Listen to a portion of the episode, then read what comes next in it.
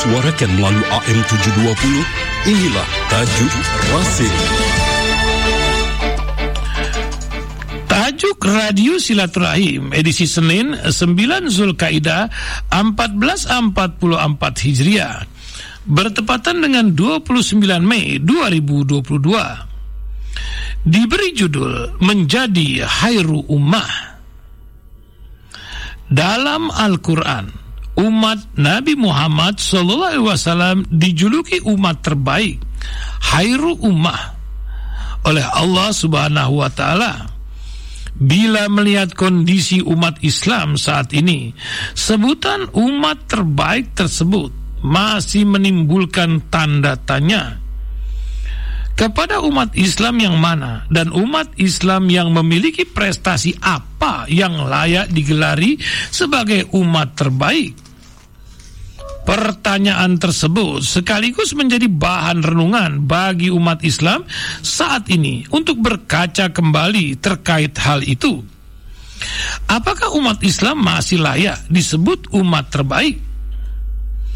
Umat Islam dikatakan umat terbaik yang dilahirkan untuk segenap manusia di muka bumi yang akan selalu mendapat pertolongan dari ridho Allah Subhanahu wa taala sepanjang masih menyuruh yang ma'ruf dan mencegah perbuatan yang mungkar. Namun, jika umat Islam mulai melupakan dirinya sebagai umat terbaik dengan mengabaikan serta meninggalkan perintah agamanya, mulai mencintai dan mengejar kehidupan dunia secara berlebihan dengan melupakan kehidupan akhirat yang abadi, maka dengan itulah menjadi sumber kelemahan umat Islam.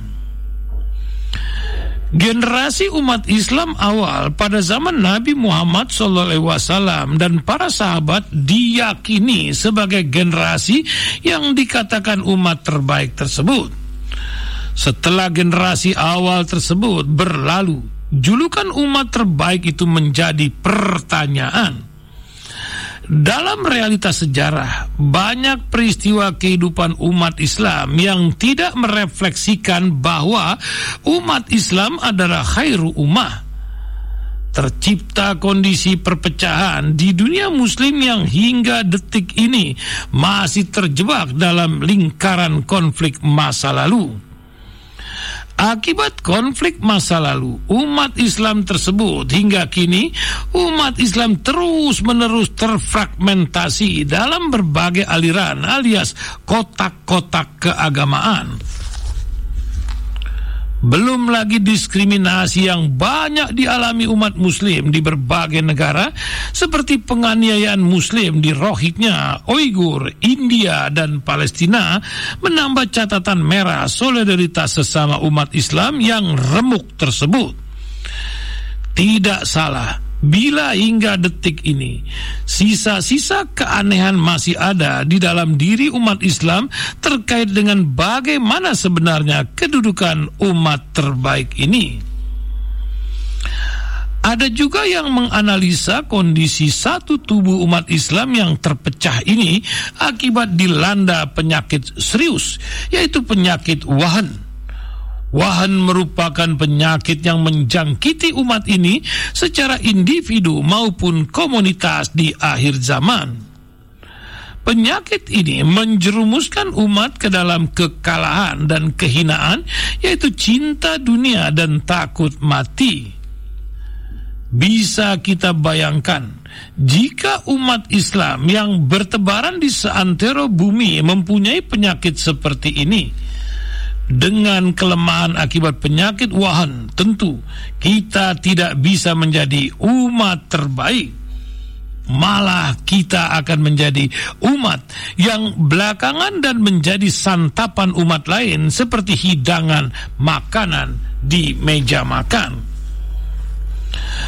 Dalam sebuah kajian renungan di bawah naungan Al-Quran, Al-Ustadz Husin Alatas menjelaskan bahwa umat terbaik. Di dalam Al-Quran diidentifikasikan menjadi mereka yang senantiasa mempraktikkan dakwah amar ma'ruf dan nahi mungkar.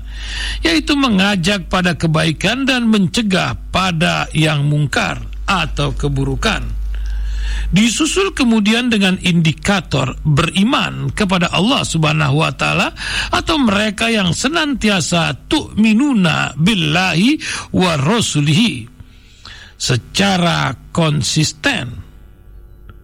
Keterangan tersebut disebutkan dalam Al-Quran surat Ali Imran ayat 110 dan surat As-Saf ayat 11 di tengah ketertinggalan umat muslim ini, seruan menuju konsep khairu ummah menjadi urgent dan mendesak.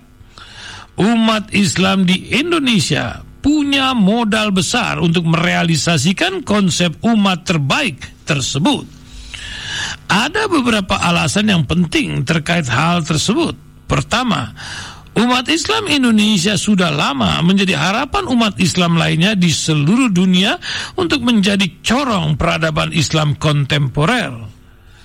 Alasan ini cukup rasional mengingat Islam di Indonesia memiliki karakter Islam yang moderat, wasatiyah, toleran, tasamuh, dan seimbang tawazun paham keislaman terus bertransformasi menjadi aksi-aksi kemanusiaan yang konkret seperti kemajuan dalam pendidikan, kesehatan, dan gerakan ekonomi. Aksi-aksi konkret tersebut seperti yang ditunjukkan oleh banyak ormas dan kelompok dengan membangun ribuan sekolah dan ratusan perguruan tinggi serta rumah sakit yang tersebar di seluruh belahan bumi Indonesia dari faktor ini saja, umat Islam mempunyai keuntungan yang besar menjadi umat terbaik, seperti yang disebutkan di dalam Al-Quran.